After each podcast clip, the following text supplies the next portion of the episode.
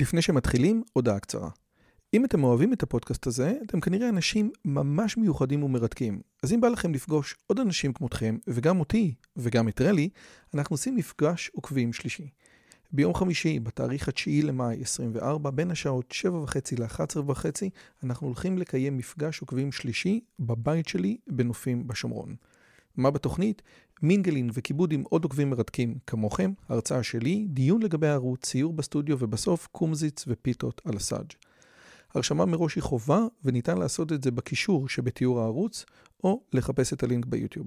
נשמח מאוד מאוד לראות אתכם. ועכשיו, לשיחה. ברגע שצה"ל ייכנס לתמרון קרקעי בעזה, הוא הולך לפגוש את הזרוע הצבאית של חמאס. אנחנו יודעים שיש לחמאס זרוע מדינית, מכיוון שזה ח'אלד משעל וכל אלה שיושבים שם בחו"ל, אבל יש את הזרוע הצבאית, הפעילים באמת, גם אנחנו מכירים את הנוח'בה לצערנו, אבל הזרוע הצבאית היא הרבה יותר מורכבת. מהי הזרוע הצבאית? מה האמונות שלה? מה האידיאולוגיות שלה? במה היא שונה מהג'יהאד האיסלאמי? על כל זה נדבר בשיחה הזאת, ולא תאמינו עם מי. אני הולך לדבר עם גיא אביעד, אחד המומחים הגדולים ביותר לעולם של החמאס, והזה שכתב את הספר לקסיקון חמאס, יצא בשתי מהדורות. בספר הזה יש גם פתיח מאוד מאוד מפורט על מה שנקרא האחים המוסלמים, שזה בעצם תנועת האם של החמאס, וגם פרק אחרון שמדבר על אמנת החמאס, שכל ישראלי ראוי לו לקרוא. אז ערב טוב, גיא, מה שלומך? ערב טוב רועי לך ולצופים. אז... שומעים מצוין, עברנו אזעקה אחת עכשיו, אבל על הכל הכיפאק. אז קודם כל, רק לפני ההקלטה התחלנו, אה, רק לפני ההקלטה הייתה אזעקה, אז יכול להיות שתהיה עוד, נוריד את זה בעריכה. בעצם לא נוריד, אבל נקצר את הזמן שגיא הולך וחוזר. אני רק מזכיר, אם אתם רוצים להירשם לערוץ בגלל השיחות על החמאס, שתדעו שמה שאני עושה בעיקר בערוץ זה שיחות פילוסופיות עם המוחות הגדולים בעולם, בנושאים של פילוסופיה, מדע, אומנות, תרבות, דת ודברים כאלה. בגלל שזה מצב אחר של מלחמה, אני גם לוקח את השיחות יותר לכיוון שהוא פרקטי, שאני חושב שהוא אה, קריטי. אני יכול, אוקיי, גיא, אתה מומחה לאסלאם ולטרור ולכל כך הרבה דברים ולאל-קאעידה. יש משהו שמייחד את החמאס מתנועות אחרות שאתה חקרת במשך השנים? אז תראה, חמאס קודם כל הוא אה, באמת תנועה אסלאמית מה, מהז'אנר אה, שאנחנו מכירים. עכשיו אה, נפוץ לאחרונה השוואה בין חמאס לבין דאעש, לאור כל מעשי הזוועה שהם עשו. תראה, רוב תנועות האסלאם הקיצוני אה, דוגלות, למעשה בהקמת אה, חליפות אסלאמית אה, על שטחים גדולים ככל האפשר. הם מחלקים כמובן את, ה, את המרחב כולו בין דר אל-אסלאם, כלומר בית אל-אסלאם, לדר אל-חר, בית המלחמה, נגד כל מי שהוא איננו מוסלמי. הרצון הוא באמת לשחזר את ימי הזוהר. האיחוד של החמאס כמובן שהוא הוא, הוא לא רק דתי, אלא גם יש לו את המוטיב הלאומי כתנועה דתית פלסטינית שפועלת במרחב מאוד מאוד מוגדר, בדגש על אה, יהודה, שומרון, אה, רצועת עזה, וכמובן, אם אפשר להוציא פיגועים לעומק ישראל, שזה פלסטין ההיסטורית מבחינתם, אז מה טוב. אני רוצה לשאול אותך בפרפרזה, כן, ממש ממש לא דומה, אבל כשאתה פוגש חבדניקים, אתה רואה חבדניקים שהולכים עם הכיפה של יחי אדוננו, וחבדניקים שלא הולכים עם הכיפה של יחי אדוננו, ואז אתה שואל, אומרים לך, תראה, כולם מאמינים בזה, אבל יש כאלה שהם יותר קיצוניים. השאלה היא, אנחנו מסתכלים על האמירויות, כן? ולהבדיל, חס וחלילה, זה לא קשור. אנחנו מסתכלים על האמירויות שעושה רושם שהם חיים בשלום. האם זה פשוט חבר'ה שהם לא דתיים מספיק, או לפי ההבנה שלך, ניתן להיות מוסלמי דתי, דוס, חזק, חזק, חזק, ולא להיות בתוך מה שאתה מדבר? או שאין מצב כזה. הדרך היחידה להיות... אה, אה, אה, אה, להסתדר עם המערב ולא לרצות לאסלם את כולם, זה להיות תכלס דתי לייט או חילוני. תראה, תראה, אם אנחנו אה, כרגע שמים את החמאס בצד ומסתכלים על המוסלמים כמוסלמים, כ, כבני אדם כמוני וכמוך, ומשווים את זה לומר ליהדות, אז, אז ברור שברמה היומיומית יש מוסלמי שהוא אדוק מאוד, ויש מוסלמי אדוק פחות, תלוי באיזה מקום הוא נמצא בעולם. אני יכול להגיד לך על דוגמה, שהייתי ב- לפני מספר שנים באלבניה. אלבניה נחשבת למדינה מוסלמית, אבל המוסלמים שם אה, אוכלים לא תמיד את הדברים הכשרים לאסלאם, ושותים גם אלכוהול, ו- ולאסלאם יש אה, צורות, צורות שונות בכל רחבי העולם. כמו שאני, תראה, מוסלמי זה, כמו שאני מוגדר כיהודי, אבל אני מוגדר יהודי גם כלאום וגם כדת. זה שאני יהודי, זה עוד לא אומר שאני אה, עכשיו שומר מצוות, אה, את תרי"ג מצוות, שומר שבת ומניח תפילין כל יום. אה, כנראה שלא. אבל יש, כמו שיש מגוון וקשת רחבה מאוד של יהודים, ככה גם יש קשת רחבה של מוסלמים. זה מאוד מאוד תלוי במרחב הגיאוגרפי בו הם נמצאים. לכל מדינה שימצא לעצמה את האסלאם, יש דפוסים שונים של אסלאם, יש אסלאם לייט ויש אסלאם רדיקלי, אין דין האסלאם שנמצא בתימן כדין האסלאם שנמצא אה, באלבניה. אז אני, אני סליחה. שאני אומר לך, אבל לפי דעתי אני לא קיבלתי תשובה, אז אני אשאל את הסוגיה שוב. לגבי הסוגיה הלאומית אצל היהודים, יש דוסים שהסוגיה הלאומית לא באמת חשובה להם, נניח החרדים, ויש דוסים שהוא כן חשוב להם. אבל אם אתה דוס, אז אתה לא תאכל חזיר, כן? זאת אומרת, כשאתה מדבר על אלבניה, אז אתה מדבר על אנשים שלא חזקים בדת האסלאמית. השאלה היא כזאת, האם יש אנשים שהולכים לכל התפילות ועושים את ה... וצמים את הרמדאן על קוצו של יוד, כן? והצד הלאומי לא חזק אצלהם, או שבהקשר הדתי הדתי האסלאמי, זה חייב לבוא ביחד. לא יכול להיות אסלאם דוס, כן? בלי אספירציות לאומיות כמו שאתה מדבר. זאת השאלה שלי. תראה, אני, אני לדעתי, יש uh, לא מעט מוסלמים שאת הפנאטיות הדתית, או את, ה, את הלהט הדתי עכשיו לקום ולרצוח בשם הדת ולהלאומיות, לא קיים. הרבה מאוד מהאנשים הם אנשים שקמים בבוקר, עושים את החמש תפילות uh, של האסלאם, יוצאים מתי שצריך, מאמינים, בקיאים בקוראן, זה עוד לא אומר שבהכרח אנשים שרוצים חד וחלק את רעתנו. אני רוצה להאמין שהרבה מה, מהמינים המוסלמים הם אנשים אה, פשוטים כמוני, כמוך, שהמטרה שלהם לחיות חיים טובים, להקים משפחה, להביא פרנסה, והדת זה חלק מאורח החיים שהם מאמצים. אוקיי, okay. עכשיו, אני כמה אנחנו צריכים לדון ולהתעסק באחים המוסלמים לפני שמגיעים לזרוע הצבאית של החמאס, או כמה צריך להבין את החמאס דרך האחים המוסלמים. אני רוצה לחדד את השאלה שלי, כי היום יש הרבה מאוד דיבור, בוודאי מארצות הברית, שאיזושהי הפרדה בין חמאס ובין עזה, בהתחלה דיברו ממש על אה, לחסל את בכירי החמאס. הטענה ששמעתי אותה כמה פעמים, ואני רוצה גם בהקשר הזה אה, אה, לשאול את הדעה שלך, מכיוון שהחמאס היא תנועה עממית, אידיאולוגית, שיש בה אלמנטים של חינוך מהגן, דיברתי עם איתמר מרקוס שמתעסק בזה, אז uh, זה, לא, זה לא תנועה של כוכב אחד, כן? שאם תיקח את, אני לא יודע מה, את, את, את השייח' יאסין, וזהו, אז, אז התנועה מתפרקת, אלא זו תנועה של אידיאולוגיה משמעותית מאוד. ולכן, אין שום משמעות לחסל את הבכירים, את הסגני האלופים, כי למעשה כל עזה מתפקדת בתור המארג של האמונות של האחים המוסלמים. אז זאת כאילו השאלה, כמה האידיאולוגיה הזאת נעוצה בתוך הכלל וכמה היא, היא, היא לא. אז באמת קודם כל תודה רואי על השאלה, זו שאלה אה, מאוד חשובה גם להבנה של כל הסיסמאות שמפריחים פה בשלושה שבועות האחרונים של להכריע את חמאס, למוטט את חמאס, למחוק את חמאס. כמו שאמרת בפתיח לשאלה, באמת החמאס בעצם זה שלוחה הפלסטינאית של תנועת האחים המוסלמים העולמית, שהמקור שלה אה, במצרים בסוף שנות ה-20 של המאה אה, שעברה. תנועה של האחים המוסלמים אה, בגדול באמת, צריך קודם כל להבין על איזה רקע היא צמחה. היא צמחה במצרים תחת מנדט בריטי, תחת שלטון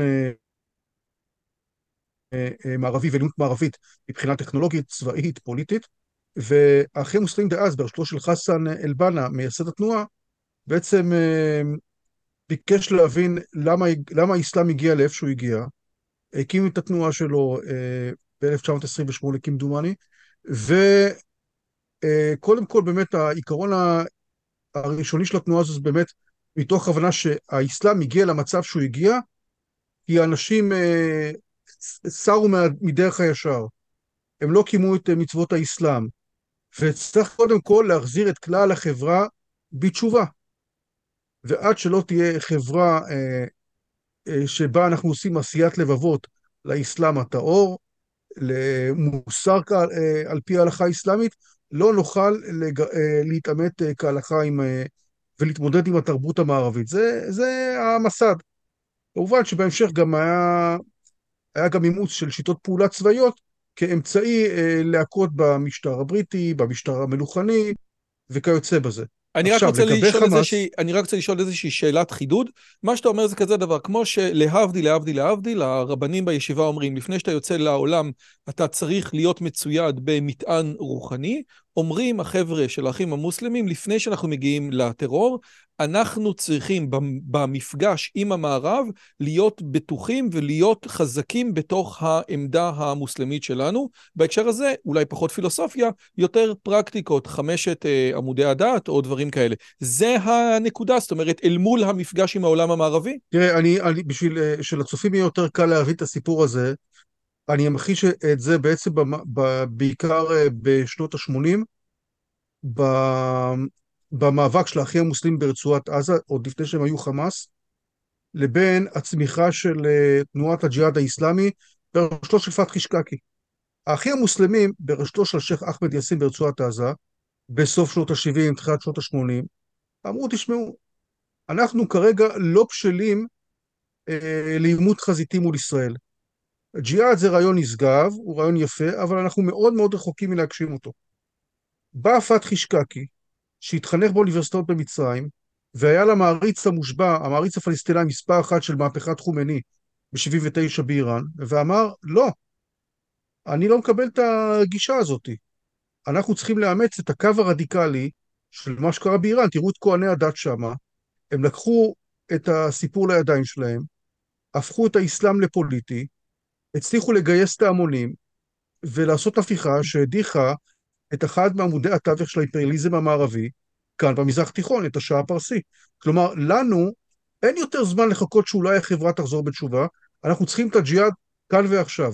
ועל רקע המחלוקת הזאת, שקקי שהיה בשר מבשרה, תנועת האחים המוסלמים, הוא היה מקורב לשייח' יאסין, אה, בעצם בשנת 79, בעקבות ספר שהוא מוציא כתמיכה למהפכה האסלאמית באיראן, שהיא גם מהפכה שיעית ולא סונית שהאחים המוסלמים נמנים עליה, הוא בעצם גורש מהתנועה, והוא מקים אה, ב-81 עם אה, חזרתו הכפויה לרצועת עזה בעקבות רצח הנשיא סאדאת, את תנועת הג'יהאד האיסלאמי הפלסטיני, ובעצם אה, תוך כמה שנים הוא בונה אה, מחתרת צבאית יחסית משמעותית, שמתחילה אה, ללחוץ לדוושת הפיגועים ברצועה, בעוד האחים המוסלמים יושבים בצד. איפה, איפה בעצם הרעיון של שקקי ניצח את הרעיון של האחים המוסלמים, והאחים המוסלמים בעצם מאמצים את הגישה של שקקי המיליטנטית, כאשר פורצת האינתיפאדה הראשונה ב-9 בדצמבר 1987, אחמד יאסין ושותפיו למוג'אמה האיסלאמי, שזה בעצם אותה, אותו הגלגול הקודם של חמאס, מבין שאם הוא עכשיו לא עושה סטייה חדה מהאידיאולוגיה ומאמץ את המאבק המזוין, את הג'יהאד, הוא מאבד את הרחוב. ומרגע שנפל האסימון הזה, בעצם חמאס נטל את ההובלה, הוא יישם הלכה למעשה את עקרונות הג'יהאד האיסלאמי, אבל בגלל שהוא היה נטוע בתוך החברה במשך הרבה מאוד שנים, עם תשתית אזרחית מאוד מאוד כבדה, והיה מעורב בכל התהליכים בחברה, מרישום נישואים, מלגות לסטודנטים, חינוך ילדים, שורה שלמה של מסגדים, יש לו את המסות, את עתודות כוח האדם שלא היה לג'יהאד, ולכן גם הוא לקח את ההובלה והוא היה למוביל הזרם הדתי בחברה הפלסטינאית. אז אני רוצה רגע לחזור על זה, כן, יסלחו לי המאזינים, אבל זה הפודקאסט שלי. זה ממש התעוררות כלפי, התעוררות מלמטה, כן? זאת אומרת, במקום לחכות שהגויים יחזירו אותנו לארץ ישראל, או שכולם יחזרו בתשובה, אומרים הג'יהאד, בואו נהיה הציונים הראשונים, נלך אשכרה ונעשה את הדברים, כן? והדבר הזה סוחף את הצעירים, סוחף את כולם, ואז החמאס בא ובעצם בעקבות הסחף הזה בדצמבר 87, החמאס מצטרף לנושא הזה. אם זה ככה, אז מה נהיה? אז, אז, אז למה היום יש חמאס ויש ג'יהאד? הרי בעצם ממה שאתה מספר זה, איך אומרים? כמו שאומרים בתאילנד, same same but different. אז מה הדיפרנט שם? אז אוקיי, זה נובע מכמה וכמה גורמים. ראשית, יש קודם כל את הגורם האישי.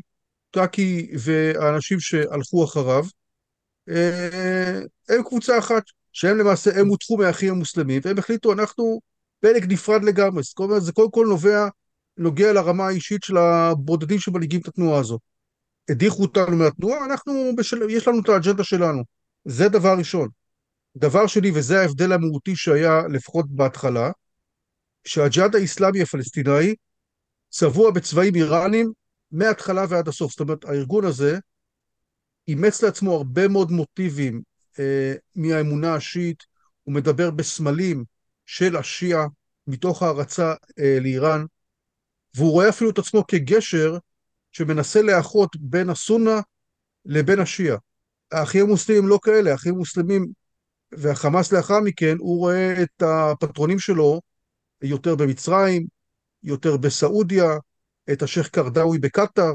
זאת אומרת, זה, אלה האנשים שהוא נסמך עליהם. כמובן שככל שהחמאס נכנס יותר ויותר למאבק המזוין, אז הוא גם יותר ויותר יתקרב לאיראן, כי איראן היא הפטרונית של ציר ההתנגדות, היא זו שמספקת נשק, ויש לה בסיסים אה, בדמות מחנות האימונים של חיזבאללה בדרום לבנון, ולכן המרחק בסופו של דבר בין הג'יהאד לחמאס הצטמצם מאוד. היום ההבדלים, אתה לא, אתה לא ממש יכול למצוא אותם, והיום נוצר המצב שזה מאוד מאוד נוח לציר ההתנגדות ברצועת עזה ובמזרח התיכון בכלל, שיש שני פלגים. שכל אחד מאשים את השני. שעושים ביניהם חלוקת, לא, לא מאשים אחד את השני, עושים ביניהם חלוקת עבודה, הם מתואמים ביניהם מאלף ועד תף. מאוד נוח. אז, אז שוב, זאת אומרת, האם...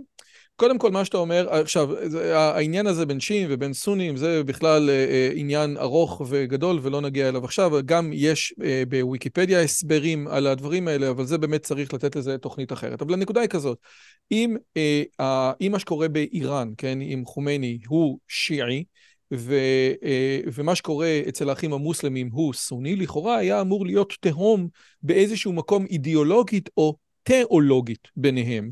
אבל מסתבר, אם אני מבין נכון, שהאיראנים, לאו דווקא בגלל האידיאולוגיה או התיאולוגיה השיעית, מאלף ואחת סיבות, רוצים לראות את ישראל מחוסלת, ולכן מתקרבים בגלל שיש להם אינטרסים. והאינטרסים הפכו להיות כאלה משמעותיים, שהתיאולוגיה בין השיעים ובין הסונים הפכה להיות פחות או יותר זניחה. אני אומר את זה נכון, או, שאני, או שיש עדיין תיאו, כאילו, סליחה, התיאו, ההבדלי תיאולוגיה ברצועת עזה, סליחה, אולי אני אגיד את זה ככה.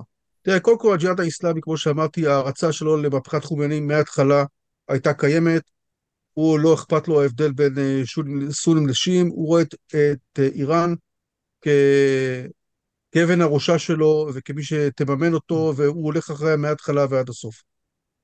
החמאס, לאור אילוצים מבצעיים ולאור ההבנה שאיראן היא זו שתומכת, נועל לאחר מכן אחר איראן גם כן, יש פה בסופו של דבר אה, ריאל פוליטיק, גם של האיראנים וגם של, ה... וגם של חמאס, בוודאי ובוודאי ברצועה. האיראנים מבחינתם, כמו שנאמר פה, הרצון שלהם באמת בסופו של דבר למחוק את ישראל מעל המפה, והם אה, מפעילים בעצם רשת שלמה של פרוקסיס, של, של זרועות תמנון, שנלחמים עבורם מרחוק, בלי שהם משלמים את המחיר, למעט בכסף ובסיוע חומרי תמיכה מדינית, מחנות אימונים ואינדוקריניזציה. אגב, לפי המחיר. דעתך, זה רצון, הרצון של איראן להשמיד את מדינת ישראל, הוא רצון דתי, אה, דתי מוסלמי או אנטישמי? עכשיו, ההבדל הוא משמעותי מאוד. אם הוא דתי מוסלמי, במהות של האסלאם זה מה שצריך לעשות, אפילו שזה עמי הספר, זאת הדרך שבה האסלאמים היום קוראים את ה scripture, את הטקסטים הקדושים שלהם, אז בסופו של דבר כולם רוצים לעשות את זה, רק איראן היא בעצם הכי חזקה. אם זה רצון אנטישמי, יכול להיות שאין לנו בעיה עם האסלאם, כן? זאת אומרת, היום נהוג להגיד, אם אתה רוצה, לא רוצה שהסרטון שלך יעוף מיוטיוב, אז אתה אומר, האסלאם הרדיקלי, האסלאם הפונדמנטליסטי. אבל השאלה היא, אם ניתן, האם בסופו של דבר אנחנו לא עושים לנו בזה הנחה, כן? כי בסופו של דבר, כל אסלאם, אם הוא רציני ולא אסלאם light, זה מה שהוא רוצה. אז איפה עובר, לפי דעתך, הרצון של איראן להשמיד את ישראל? תראה, אני חושב, קודם כל, אה, אני חושב שהדברים טיפה משולבים, זאת אומרת, באידיאולוגיה אה, ובוודאי ברטוריקה של מנהיגים איראנים כאלה ואחרים, בטח ובטח אחמדינג'אד בזמנו היה אולי המייצג המובהק של זה, יש כמובן אלמנטים אה, אנטישמיים, ודאי שבאים לידי ביטוי ברטוריקה, וגם רואים את זה במצעדים של דריכה על דגלים וכרזות כאלה ואחרות. ומה לא. אבל אני חושב שבגדול, בגדול, שורש העניין הוא שהם רואים את ישראל כראש חץ של התרבות המערבית, של עולם המערב, בתוך המזרח התיכון, כעצם בגרון של העולם המוסלמי. זה, אני רוצה גם להזכיר דבר נוסף, איראן וישראל היו בנות ברית בשנות ה-60 וה-70, לישראל הייתה שגרירות באיראן.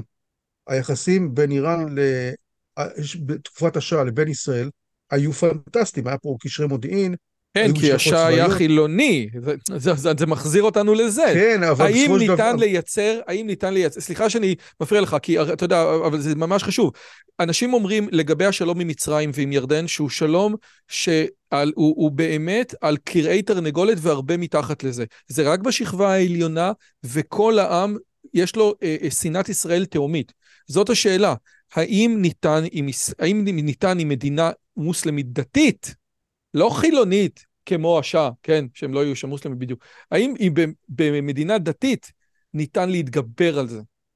על, ה, על, ה, תראה, על, על השנאה. תראה, שהמשטר האיראני כבר נמצא מעל 40 אה, שנה בשלטון, והוא זה שמחנך את הדור אה, מגיל אפס, ואנשים כבר נולדים אה, לתוך המהפכה האסלאמית ולתוך רשתות החינוך, לא, וקם דור שלא הכיר את יוסף, אז קשה מאוד להוציא, לעקור את השנאה ואת הזרעים שנזרעו מהמוח של האנשים. יחד עם זאת, היום אנחנו נמצאים גם בעידן מודרני שהרבה מאוד גם איראנים חשופים לתקשורת המערבית, יכולים לתקשר עם ישראלים, קוראים דברים שהם אה, מחוץ לאיראן, ולכן אה, תמיד יש תקווה שהדברים האלה גם ישתנו. זה לא הכל אה, שחור ולבן פה, אבל אין ספק שהמסות, לאור החינוך של אותם אנשים שכבר שולטים כל כך הרבה זמן במדינה הזאת, אז כאן נמצאת בעיה. זה נכון גם, דרך אגב, לגבי משטר חמאס ברצועת עזה. שעלה ב-2006 ואמרת לי שרוב האוכלוסייה היא צעירה, מה שזה אומר... נכון. החמאס, החמאס למעשה נבחר בבחירות דמוקרטיות, ב-2006 על ידי רוב הציבור הפלסטיני, גם בגדה וגם ברצועה. ב-2007, ביוני 2007, החמאס עשה הפיכה צבאית והשתלט בכוח על רצועת עזה, וזה אומר שמזה כ-16 שנה יש ממשל חמאס, הוא מכוון שם את כל הפעילות, בטח ובטח של החינוך.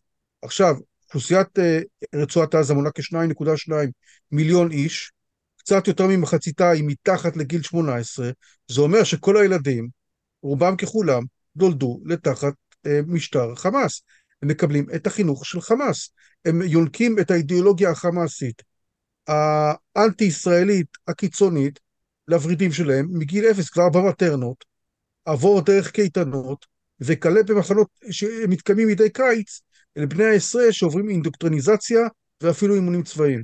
אז לכאורה, אם הדברים האלה לא מתקיימים בגדה ככה, איך יכול להיות שהחמאס זוכה לכזאת אהדה בגדה, עד כדי כך שכל הזמן דוחים את הבחירות, כי ברור להנהגה שאם יעשו בחירות, חמאס ייבחר שם. אז כאילו, אם, אם הוא לא שולט, אז הם, הם מה, הם מסתכלים על מה שקורה בעזה, הם אומרים, אוי, חבל, ככה אני רוצה?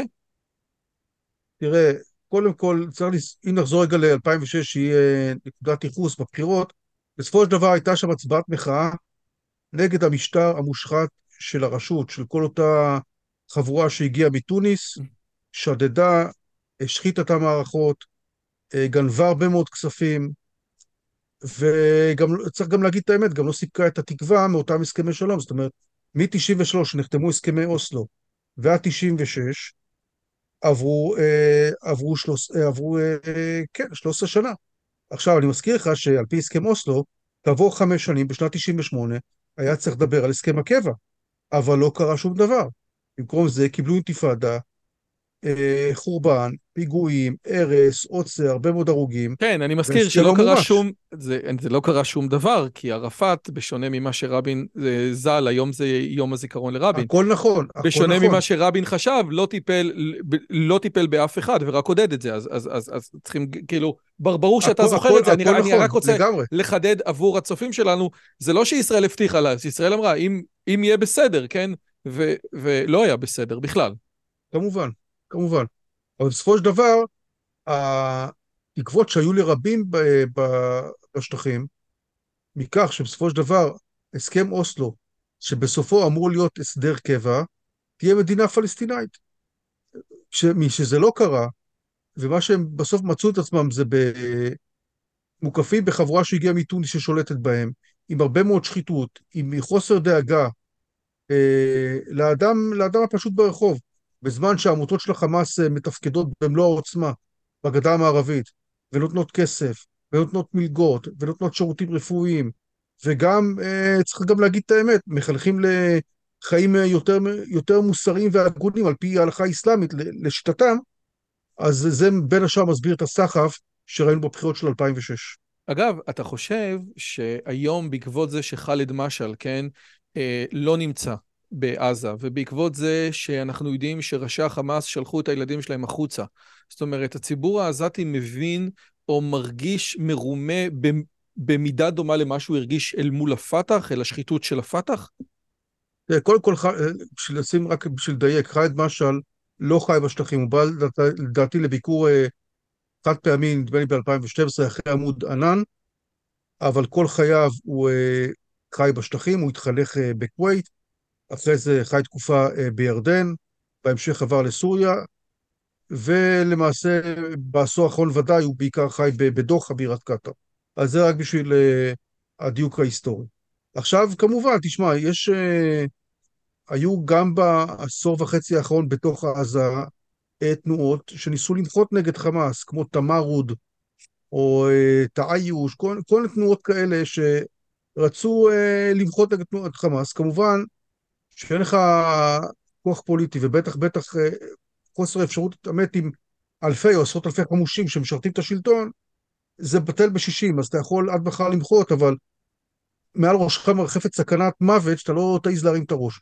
ודאי שיש קולות בתוך הרצועה שסולדים מחמאס חד משמעית, אבל בין זה לבין התנגדות משמעותית, המרחק הוא מאוד מאוד גדול. אז אני רוצה לשאול בהקשר הזה, אנחנו שומעים קולות של האופוזיציה האיראנית, כן? אפילו, עזוב, אנשים אומרים, איראן אומרים, בואו תעשו דקה דומייה לזכר הפלסטינים במשחק כדורגל, וה, והאיראנים שנמצאים במגרשים צועקים בוז, כן? או ראינו אופוזיציה של החיזבאללה בלבנון, שעושה היום המון קריקטורות, כן? של אה, אנטנה, של בסך הכל החיזבאללה פוגע באנטנות. אנחנו רואים את הדברים האלה שוב, אופוזיציה איראנית נושכת ולוחמנית, אופוזיציה בלבנון לחיזבאללה נושכת ולוחמנית. אם אני הקטן בטלגרם בישראל מקבל את הדברים האלה, אז הדברים האלה יש להם משמעות. אני לא רואה אופוזיציה של חמאס. זה, שוב, זה בגלל שאיראן זה מקום שמקבל יותר ב... ב בהבנה ובהכלה אופוזיציה, חיזבאללה זה מקום שמקבל יותר בהבנה, או, כאילו אופוזיציה, תראה, איך, איך זה יכול להיות? תראה, קודם כל צריך למתוח פה קו ולהסביר מה זה אופוזיציה. אה, רוב האופוזיציה היא, במידה רבה היא בתוך התווך הקיברנטי, לא בתווך הקינטי, זאת אומרת, שאתה בא, בא לשטח, למציאות עצמה, כשהייתה אופוזיציה אה, באיראן, בין אם זה המהפכה הירוקה ב-2009, או בין אם זה בשנה האחרונה על רקע אותה, אותה איראן ממוצא כורדי, שבגלל שהיא לא עטתה היטב את החיג'אב, היכו אותה, הרגו אותה, והיו על זה הפגנות. בסופו של דבר בא המשטר, עם כל הכבוד לאופוזיציה, המשטר אה, קרא אותו לגזרים. הוציא להורג את מי שהוציא להורג, ושם אלפים רבים בכלא אבין בטהרן. אז אה, צריך לשים את זה בפרופורציה, כנ"ל בלבנון. יפה מאוד לעשות קיקטורות של אנטנות, זה נראה מאוד מאוד יפה, כל האתרים אה, האנטי חיזבאללה הם נהדרים, אבל בשטח להתעמת עם ארגון כל כך חזק, עם כל כך הרבה חמושים, שיש לו רובה שיכול להרוג, מה שלאופוזיציה אין, אה, אז צריך לשים את הדברים האלה בפרופורציה. כנ"ל כמובן ברצועת עזה, חמאס, יש לו סדר גודל של נאמר 25, 30 אלף חמושים, הוא בעצם אה, עליו בנוי כל המנגנון הממשלתי. כל חמוש כזה, יש מאחוריו משפחה של עשרה אנשים שאוכלים אה, זה, זאת אומרת, אחוז גדול מהרצועה הוא אוכל מהיד של חמאס, חמאס מפרנסת אותו בדרך זו או אחרת.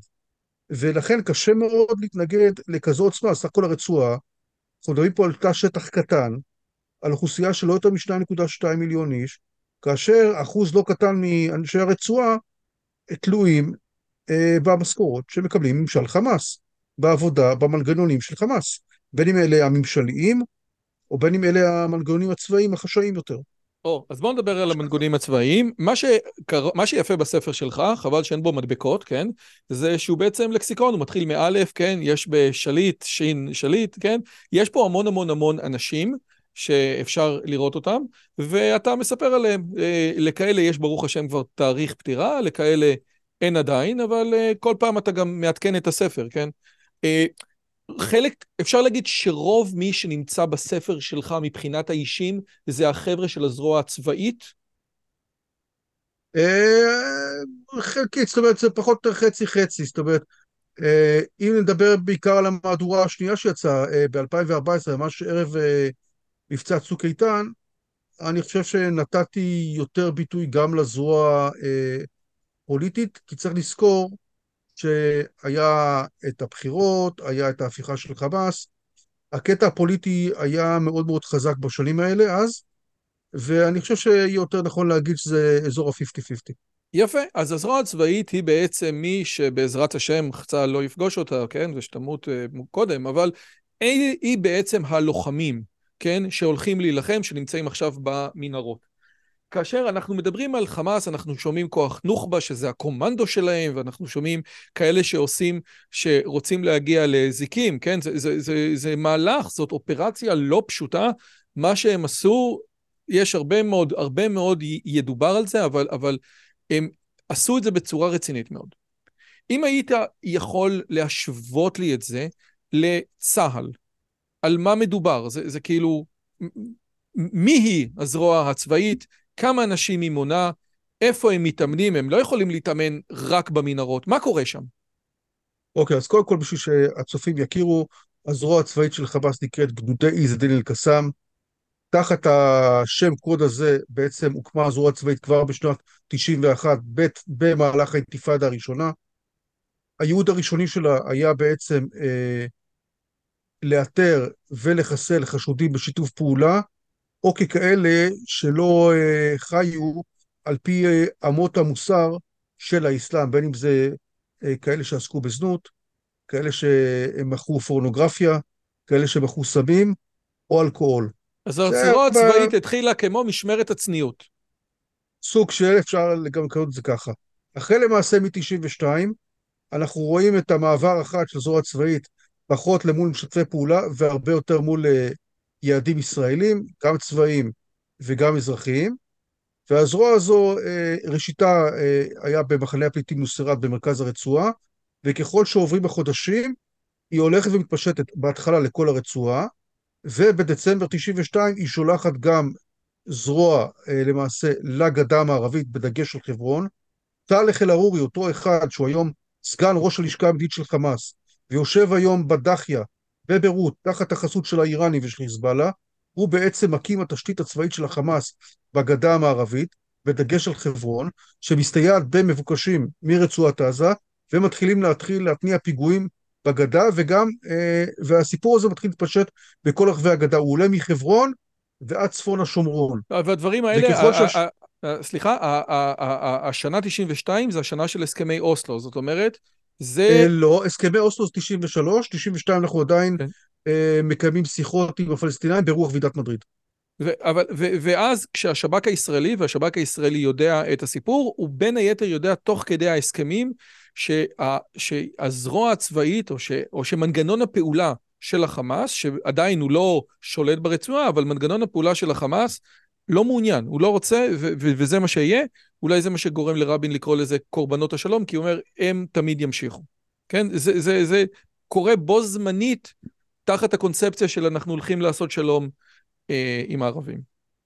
למעשה, גם החמאס וגם הג'יהאד האיסלאמי הם האופוזיציה הלוחמת בהסכם אוסלו שהם דוחים אותו על הסף, דוחים כל אה, רצון לנורמליזציה עם ישראל, והם כמייצגי הזרם הדתי בחברה הפלסטינאית שמים וטו מוחלט על ההבנות ועל ההסכמים בין ישראל לבין הפלסטינאים, שבאותה עת אני רוצה להזכיר, אש"ף נחשב לנציג הבלעדי של הפלסטינאים, החל משנת 1974. החמאס בעצם קורא תיגר על הפרדיגמה הזו ואומר, לא, אתם לא בעצם לא היחידים, גם אנחנו פה, אנחנו מייצגים משהו אחר לגמרי, וככל שהשנים עוברות הוא מכרסם בתמיכה של אש"ף עוד ועוד ועוד, עד שהוא מגיע לבחירות ב-2006 ולוקח תקופה. ושוב, הוא מכרסם בתמיכה של אש"ף כי עזה זה חמאס. כי באמת הציבור, כמו שאמר דן שפטן, זה הציבור. זה מה ש... מנהיג עושה את מה שהציבור רוצה בגבולות גזרה, והציבור בעצם זה מתעניין בזה. עכשיו, על, על מה אנחנו מדברים? סדר כוחות 30 אלף איש זה 30 אלף לוחמים. שוב, אם, אם, אני, אם אני יכול להחזיר אותך קצת למקבילה לצה"ל. איפה אוקיי. המודיעין שלהם? מה המודיעין שלהם תראה, יודע? אז תראה, תראה. אז כמו שאמרתי, איזדיל קסאם התחילו בשנת 91, ועם השנים הלכו וגדלו. האינתיפאדה השנייה נתנה להם אה, בוסטר רציני, שהם הופכים בהדרגה לגוף בעל דפוסי פעולה ממוסדים. מי שהגדיר את, ה, את החמאס וגם את הג'יהאד כצבאות של טרור, אם אנחנו עושים רגע את ההקבלה לצה"ל, זה לא אחר מהרמטכ"ל אביב כוכבי לפני uh, שנים אחדות, בתקופת כהונתו, וזה מאוד נכון. החמאס, uh, במיוחד uh, לאחר שצה"ל עזב את רצועת עזה בהתנתקות ב-2005, קל וחומר לאחרי הפיכת חמאס ב-2007, בעצם הופך לצבא לכל דבר ועניין.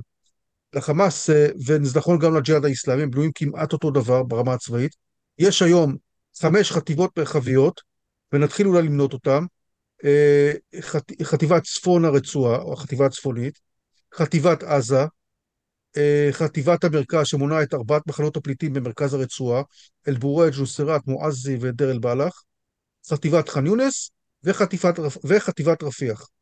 תחת כל חטיבה כזו שמונה, תלוי בגודל שלה, אבל היא מונה כל אחת כמה אלפי אנשים, יש מספר גדודים. רגע, שנייה, לא... החטיבות זה כמו פיקוד צפון, פיקוד מרכז, פיקוד דרום? זה חטיבות מרחביות על פי אה, מרחב גיאוגרפי. אתה. רוצה לקרוא להן ככה? תקרא להן ככה. יאללה, לא מעולה. זאת אומרת, החטיבה הצפונית זה אותם אנשים שאנחנו, שצה"ל אמור להיתקל בהם כשהוא נכנס מצפון? בעצם, נכנס... בעצם, לא, בעצם לאור, לאור הניקוי של, לאור ההנחיה של צה"ל לכל הפלסטינים לעבור דרומה, מוואדי עזה ודרומה, זה משאיר בעצם את צה"ל להתמודד מול שתי חטיבות עיקריות של חמאס. חטיבה הצפונית, שהיא באזור אה, בית חנון, בית לאיה, אה, מחנה הפליטים ג'באליה, וחטיבת עזה, שזה עזה המטרופולין, שזה כל השכונות של עזה, פלוס מחנה הפליטים שאטי לצורך העניין, בסדר? אלה okay. שתי אוקיי. החטיבות שצה"ל אמור להתמודד איתן אם התימון אכן יקרה בצפון הרצועה, אז זה השטח שלהם. כל, וכל חטיבה מכילה גדודים, הרי אין להם אה, אה נכון. כוחות ים פחות או יותר, אין להם כוחות אוויר. כל, מה... כל חטיבה אה, מונה מספר אה, גדודים, וכמובן זה עץ מבנה כמו צה"ל, כן. גדודים, פלוגות, כיתות, אה, מחלקות. אה, יש לכל חטיבה כוחות נוח'בה שהם כוחות מיוחדים, כמו שגם ראינו בפשיטה על העוטף, באותה שבת באמת ארורה. ויש גם אלמנטים אחרים של אה, כוחות ימיים, תלוי בגזרה, ולכל חטיבה כזאת יש גם מערך שיגור משלה ומערך מנעור משלה. זאת אומרת, הם יודעים לפעול עצמאית, אבל יש גם קשרים בין כל חטיבה וחטיבה. אז אה, ככה הם בנויים, וכמובן, למעשה לאיזדין קסאם יש גם סוג של מטה כללי, אתה רוצה את ההקבלה לצה"ל, אצלהם זה נקרא המועצה הצבאית. מה זה המועצה הצבאית?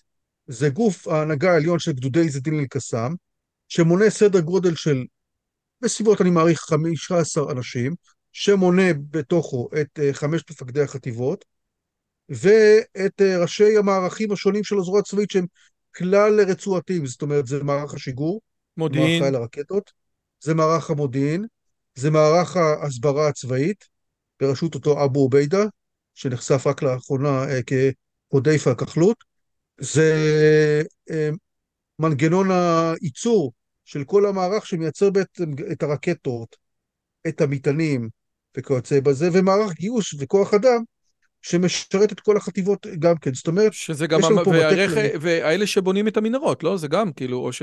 או, או כל חטיבה בונה לעצמה. המנהרות, המנהרות, המנהרות זה סוג של משימה, נקרא לזה לאומית, עבור כל הזרוע הצבאית. כל uh, מג"ד uh, חמאס בגזרתו, uh, בעצם קיבל סוג של הוראה להתחיל לחפור מנהרות אה, בתחומו, ובהמשך גם יעשו החיבורים בין, ה, בין האזורים השונים, ככל שעובר הזמן. עכשיו, ככל שאנחנו מבינים, הפעולה שהייתה בשביעי לאוקטובר הייתה פעולה יוצאת מן הכלל מהצד שלהם. יש כאלה שאומרים שהם תכננו אותה שנתיים, תוך כדי שחליבה אומר, שראש אמ"ן אומר הכל בסדר, אה, ו- ו- ולא רק זה, אלא כאשר המודיעין של צה"ל טוב פי מיליון מבחינה טכנולוגית ממה שהוא היה גם ב-67 וגם ב-73, כאשר כל שיחת טלפון מנוטרת וכל אימייל מנוטר, הם הצליחו לעשות פעולה בלתי רגילה. פשוט, אתה יודע, זה, זה, אני, אני לא יודע כמה פעמים אתה שמרת מסיבת יום הולדת בסוד מבן משפחה. זה, זה תיק. זה תיק לשמור מסיבת יום הולדת uh, בהפתעה בסוד. איך, בין... כאילו אפשר להגיד שאיראן הביאה להם טכנולוגיה, אבל יש פה משהו מעבר לזה, ז, זאת אופרציה בלתי רגילה, פנומנלית, מתחת לאף של לכאורה, בוודאי ארגון הביון הטוב ביותר במזרח התיכון. אז אה, אני... אבל שנייה לכמה- רגע, ובבקשה. תספר לי את זה מהצד של החמאס, לא מהצד של כמה, אה, אה, כמה הפרדיגמה של הערבים רוצים שלום אה, הש- השתרשה באמ"ן. כמובן, כמובן, חד משמעית. אני בא, אני כהיסטוריון של החמאס, אני אתן לצופים את הנקודת מבט הזאת שפחות שומעים עליה. אני, מתוקף היותי באמת היסטוריון של התנועה במידה רבה, אני חושב שצריך להעמיד את, ה, את הכל בפרספקטיבה של חמש שנים אחורה. כלומר, לקחת את החטיבת שנים הזאת, של מ-2018 עד 2023 כחטיבה אחת, כי יש בה אלמנטים טיפה שונים.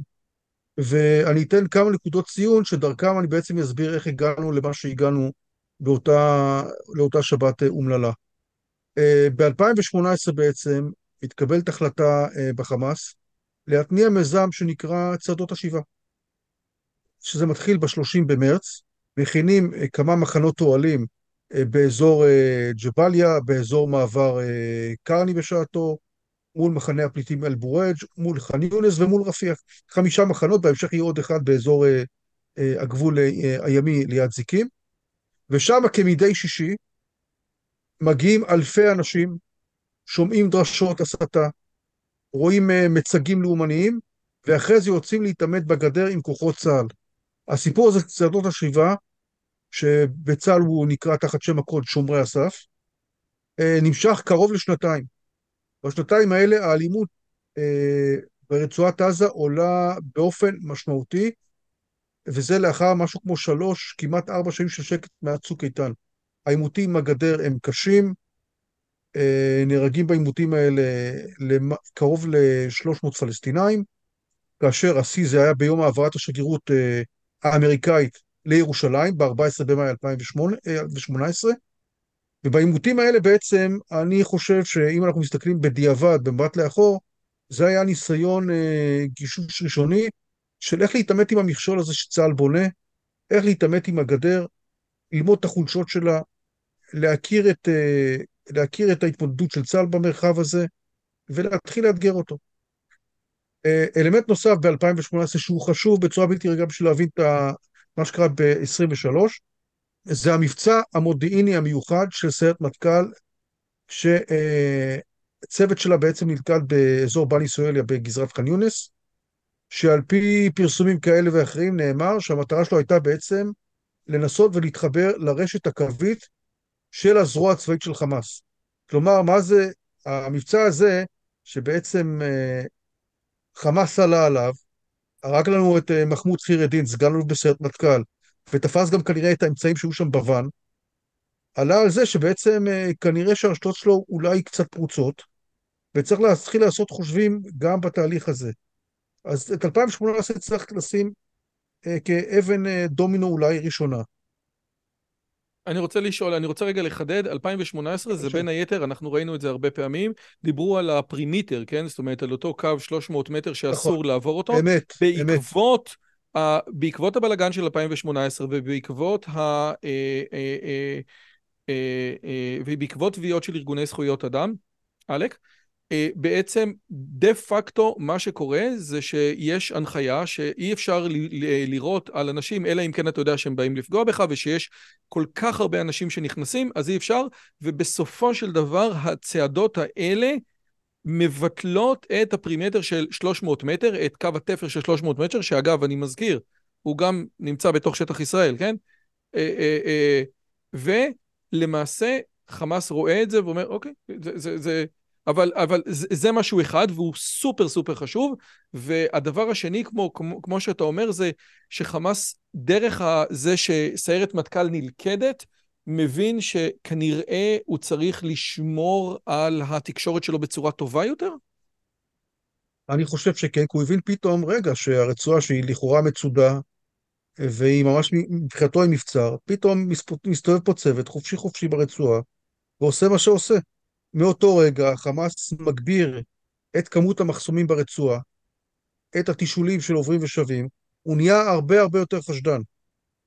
אבל עדיין מ-18 ל-23 יש לנו עוד אבן דרך מאוד מאוד מאוד חשובה, עוד כמה למעשה. קודם כל, אה, מ-2018 וצפונה, החמאס אה, בעצם אה, משכלל, מעבה את הגוף שנקרא חדר המבצעים המשותף. רורפה עמליית אל-מושטריקה, שזה בעצם חמ"ל אחוד של עשרה פלגים אה, פלסטינאים ברצועת עזה, שהגדולים ביניהם כמובן זה החמאס והג'יהאד האיסלאמי, והוא בעצם מתחיל תחת החמ"ל הזה לתאם את כל הפעילות הצבאית במסגרת אה, על-ארגונית אחת שהוא מוביל אותה. וכבר בדצמבר ו-20, תחת אותו חמ"ל, הוא מתחיל בסוג של תרגיל מטכ"לי, שנקרא המשענת האיתנה אל-ראקן א-שדיד, שמדי דצמבר, וזה נכון לדצמבר 20, דצמבר 21, 22, תכף ניגע על מה קרה ב-23, יש בכל דצמבר כזה תרגיל מטכ"לי של עשרת הפלגים, שמתאמנים ממש על המתארים שהיו בסוף הפשיטה, ב-7 באוקטובר, על איך אה, לפגוע בעמדת רועי יורש לתצפיתניות, איך לפשוט על אה, מוצבים של צה"ל, אה, לפנח תצלומי האוויר של היישובים בעוטף עזה, וכיוצא בזה. אתה ממש רואה את המתארי לחימה שלהם. איך אתה רואה את זה? איך היום אתה רואה? זאת אומרת, היום אתה, תראה, אני, אני יודע, אנשים, אני, אני לא אספר סיפורים עליך, אבל אה, אני אספר איזה משהו אחד קטן, שאתה פשוט אה, מכיר ועובר על כל כך הרבה דברים במשך שנים, גם בתקשורת הערבית וגם בעיתונים, עד שאחד הסיפורים שסיפרת לי שכאשר באת לכתוב את הספר הזה, הצנזורה הצבאית אמרה, רגע, יש פה חומרים מסווגים, והיית צריך לבוא ולהוכיח להם, הנה, זה פורסם פה, וזה פורסם פה, וזה פורסם פה. זאת אומרת, יש המון המון מידע שאנחנו משחררים, כן, אתה יודע, אם, אם, אם תיקח את כל המידע שיש בוואלה ובוויינט, בסוף אתה תקבל זהב, זהב טהור. והשאלה שלי היא, איך יכול להיות, זה, זה, את מה שאתה מספר לי עכשיו, מאיפה אתה מביא? זה החמאס מפרסמים? זה משהו בדיעבד? זה משהו שהצבא גילה? מאיפה הבאת את הנתונים האלה של כל דצמבר שיש להם בדיוק את זה, וזה מה שהם עושים, והתרחיש? חמאס מפרסם את הכל, אני לא צריך להיות לא בשב"כ ולא באמ"ן מחקר בשביל לדעת את הדברים האלה. הכל נמצא גלוי ברשת, צריך לחבר את הנקודה. ופה אולי אתה מוביל אותי, נפתח רגע סוגריים גדולים, אה, ובואו נדבר רגע טיפה על מתודה, כי אולי זה יהיה טיפה חשוב. אה, מה, אני אגיד לך מה לתפיסתי עושה את ההבדל בין חוקר בינוני לחוקר טוב מאוד. ואני חושב שהדבר הזה, אה, יש לו ארבעה נדבכים אה, עיקריים. קודם כל, באדם שמחליט שהוא חוקר, ולא משנה כרגע באיזה תחום, הוא צריך שיהיה לו רעב, שיהיה לו סקרנות בריאה לדעת כמה שיותר. כי בלי ההנאה העצמית הזאתי, לא תגיע לשום מקום. והיה ויש לך את זה, השלב הבא זה התמדה. מרכיב הזמן הוא פה קריטי. ככל שאתה עוסק בנושא הזה יותר ויותר שנים, ואני בתחום הזה של חמאס מתחילת שנות ה-90, אתה בונה את, ה, את הידע שלך שכבה אחר שכבה, רובד אחר רובד, ו, ולסיפור הזה של השכבות אין לזה מחיר, אין לזה תחליף. רק ככה אתה מקבל את התחושת בטן ואת העומק ויודע לקשר דבר א' ודבר ב' שלכאורה לא נראה שיש קשר בין האחד לשני. הדבר השלישי, שאתה אוסף ומתמיד כל כך הרבה שנים במשהו מסוים, במקרה שלי זה חמאס, אתה באמת, כמו שאתה אומר, רועי, אתה מקבל הררים של מידע. עצומה. והנדבך השלישי שמתקשר לכך זה איפה? היכולת לסדר ולארגן את הדברים בצורה כזו, שתהיה לך שליטה טובה ככל האפשר על, אה, על פרטי המידע שאותם אגרת. והנדבך הרביעי שהופך אותך לחוקר באמת טוב מאוד, זה יכולת הניתוח, היכולת לחבר בין הנקודות השונות ולבנות תמונה טובה של המציאות, לעבד את הנתונים, ואולי גם לכתוב אם אתה רוצה. אם יש לך רק חלק מהנדבכים, מאותם ארבעת הנדבכים שציינתי, אתה כנראה תהיה בינוני ואולי גם למטה מזה. זה, זה א' ב' מבחינתי. זו כל התורה על רגל אחת. אני חייב לשאול אותך שאלה, אל תכעס עליי, כן? אתה יודע שאני עושה את זה באהבה. כמובן. יש אנשים מאוד מאוד מאוד מוכשרים באמן מחקר. אתה יודע את זה יותר טוב ממני. אנשים סופר מוכשרים. יש מתודות, יש דברים מדהימים. והשאלה שלי, מכל מה שהזכרת, כן? יש את הספר אה, חזאי על, תחזיות על, שמדבר על כל מיני אנשים שיודעים לתת תחזיות בלתי רגילות, כן? שואלים אותם, מה הסיכוי שהנפט ירד ב... ב-15 חודשים הקרובים. כן, דברים שאין להם קשר והם יודעים לחזות את זה. ואחד האנשים שחקר את אותם חזאי על, שהם חזאים שלפעמים נותנים תשובות יותר טובות מה-CIA לגבי דברים במקומות אחרים בעולם, זה שאין להם איזושהי אג'נדה שהם הולכים איתה. וכשאין לך אג'נדה אתה יכול להיות יותר גמיש. והשאלה שלי, האם לא התגנבה אלינו? עכשיו אני קצת יוצא כי אני רוצה שתדבר רק על החמאס, אבל בגלל שאתה מדבר על דברים כל כך ברורים שחמאס מפרסם בצהרי היום באינטרנט, האם לא התגנבה אלינו אג'נדה, כן? שהם כמוני כמוך, שכולם רוצים אה, שלום וכולם רוצים אה, חומוס בדמשק, ואנחנו מכירים את רמזי מקופה ראשית, נכון? זה, זה... האם האג'נדה לא פשוט עיוורה את העיניים של האנשים מאמ"ן, שבאמת הם רוצים שקט? איפה האג'נדה והאמונה ב, בחלומות שלך, בתור יהודי או דוגמנית שרק רוצה שלום, נכנסת בתוך המהלך הזה של ארבעת הדברים שאתה מנית? תראה, אני חושב שזה יותר מורכב מאג'נדה. בסופו של דבר אנחנו מדברים פה על uh, uh, טבע אנושי. יש, uh, וראינו את זה גם uh, במחדל שהוביל uh, ליום כיפור בשעתו. היו שם באמן מחקר באמת האנשים הכי מוכשרים ב, באגף המודיעין. בעולם. אבל הייתה, עוד פעם, סט של הערכות מסוימות ש, שהם גם הצליחו ברוב המקרים, ויצרו גם תסמונת של זאב זאב, ואתה אומר, רגע, לכאורה במאי 73 היה את אה, קולנית כחול לבן, וואלה, הצלחתי. אם היו שומעים לי, הייתי חוסך הרבה כסף למדינה. אז יש, יש פה קודם כל אה, טבע אנושי, וכנראה שהאדם אה, נועד תמיד כנראה לטעות.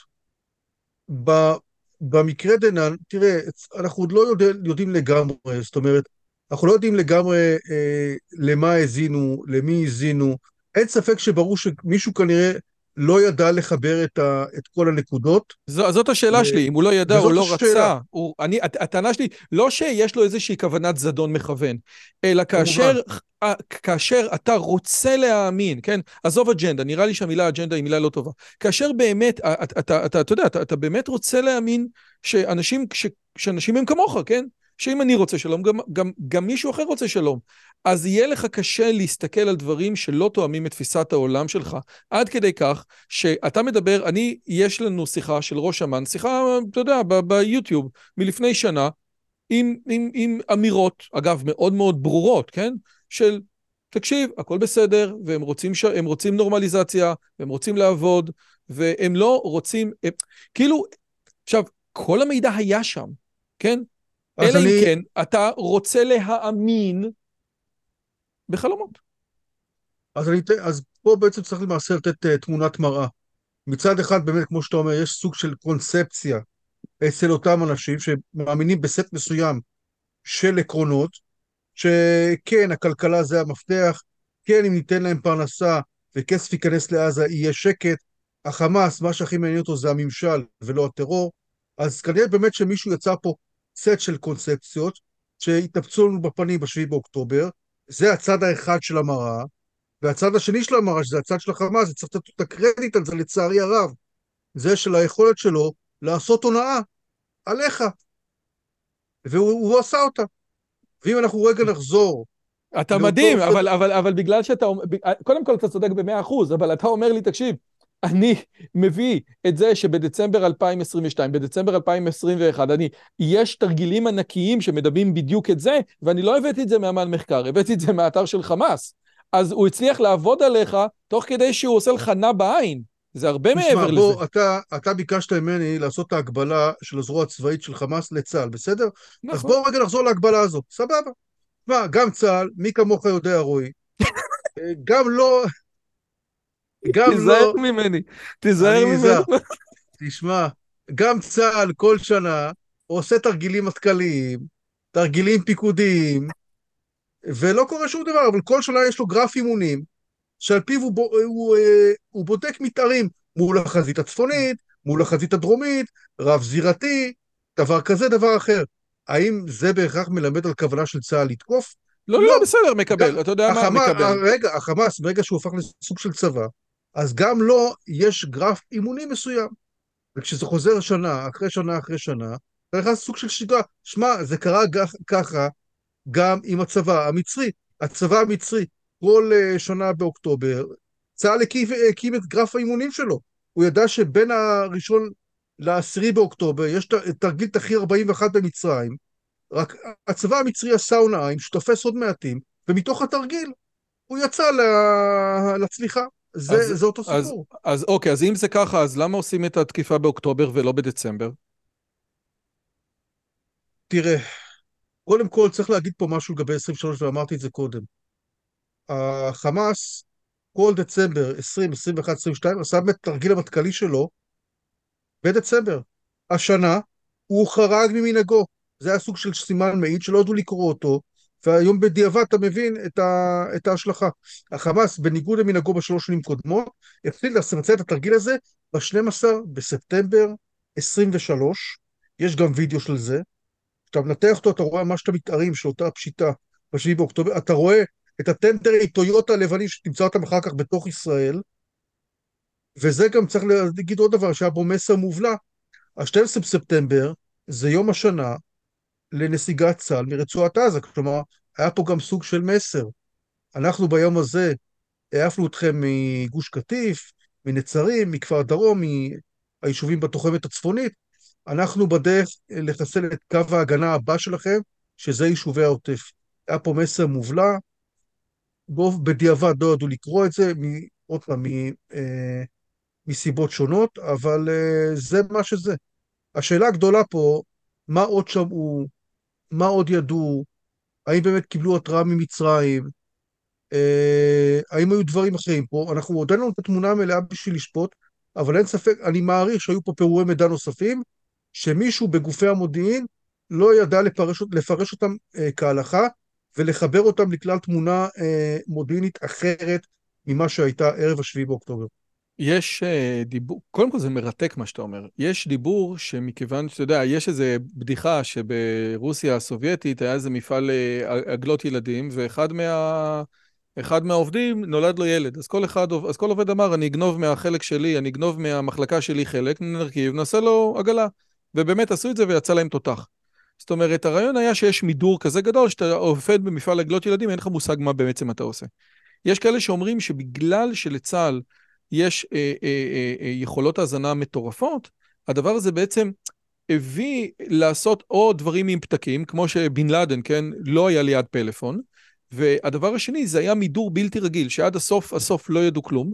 מהצד השני, אה, מהצד השני, עכשיו אתה אומר משהו אה, אחר לגמרי, שאתה אומר לי, אה, אה, היה מתאר מאוד מאוד גדול, אז, אז ממה שאתה יודע עכשיו, מה ידעו, מה לא ידעו, מי ידע? זה רק אותם אה, אה, אה, מועצת על או, או מעבר לזה? אז, איך, אה, אה, אז אולי נשאל אחרת, איך לפי דעתך שמרו בתוך החמאס 30 אלף איש, המון אנשים שעושים את הפעולה הזאת, איך שמרו על הדבר הזה בסוד?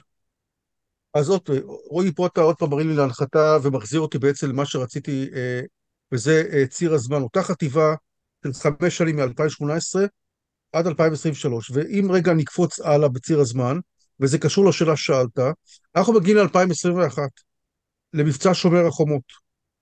במבצע שומר החומות אה, קורים כמה דברים. אה, צה"ל והשב"כ יוצאים למספר מבצעים שחלקם הצליחו, זאת אומרת, השב"כ הצליח לחסל את כל אה, מומחי התוכן של מערך הייצור של חמאס, של כמה מהנדסים מאוד בכירים שפיתחו לו את הרקטות הכי הכי מתקדמות, וחיסל אותם במכה אחת. דבר נוסף, היה עוד מבצע שהצליח רק בחלקו, שבו ניסו לחסל את ראשי הזרוע הצבאית של חמאס, ובסופו של דבר הצליחו להרוג רק את מח"ט עזה, באסם עיסא. עכשיו, כשהמערכים האלה נחדרים, באמת ברמות הכי אינטימיות, בחמאס לדעתי הבינו שהארגון נחדר בצורה כזאתי שהם חייבים לשנות את תשתית הקשר שלהם. כלומר, אם צה"ל ידע להגיע למח"ט אה, עזה, שהוא היה מבוקש כמעט 30 שנה, והצליח להרוג לנו כמעט מח"טים שונים, אחרים, והצליח להרוג לנו את כל ראשי מערך הייצור, זה אומר שאנחנו כחמאס, בליבה שלנו כזרוע צבאית, חדורים לגמרי. ואם זה ככה, אנחנו עכשיו הולכים להוריד פרופיל, מה שקרה במשך שנתיים, נותנים לג'יהאד האיסלאמי לנהל את האש, את, את ההתנגדות על אש קטנה, כי הוא uh, איתנו uh, uh, יד ביד, ואנחנו בשנתיים האלה בונים תוכנית מבצעית ואני מזכיר, צה"ל רצה לעשות מכת ברק לחמאס, כלומר לקבור מאות מחבלים בתוך המנהרות בתחבולה מאוד מתוחכמת, ומסיבות שונות זה לא הצליח, והתבזבז קלף אסטרטגי.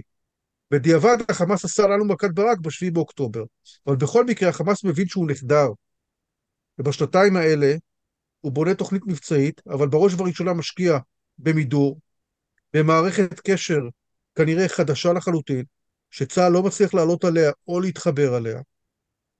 וזה אבן הראשה של המבצע שאנחנו רואים בשביעי באוקטובר.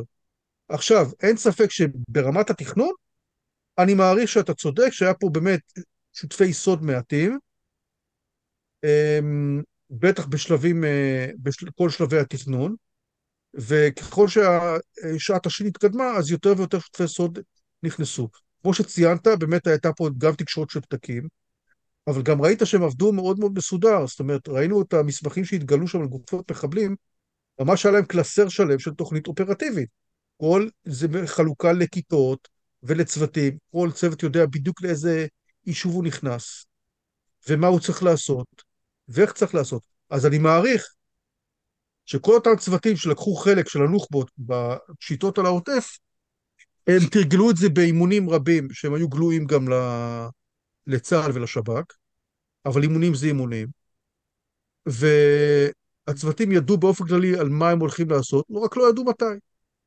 ולי כשהוחלט על שעת השין, אה, מה שנקרא, נפתחו המעטפות במרכאות, כמו שקורה בטייסות, וכל אה, צוות קיבל את הפקודת משימה שלו, ויצאו לדרך מרגע שהמטח בשש וחצי נורא, ובחסותו אה, שטפו את העוטף, תוך הקרסה של הגדר.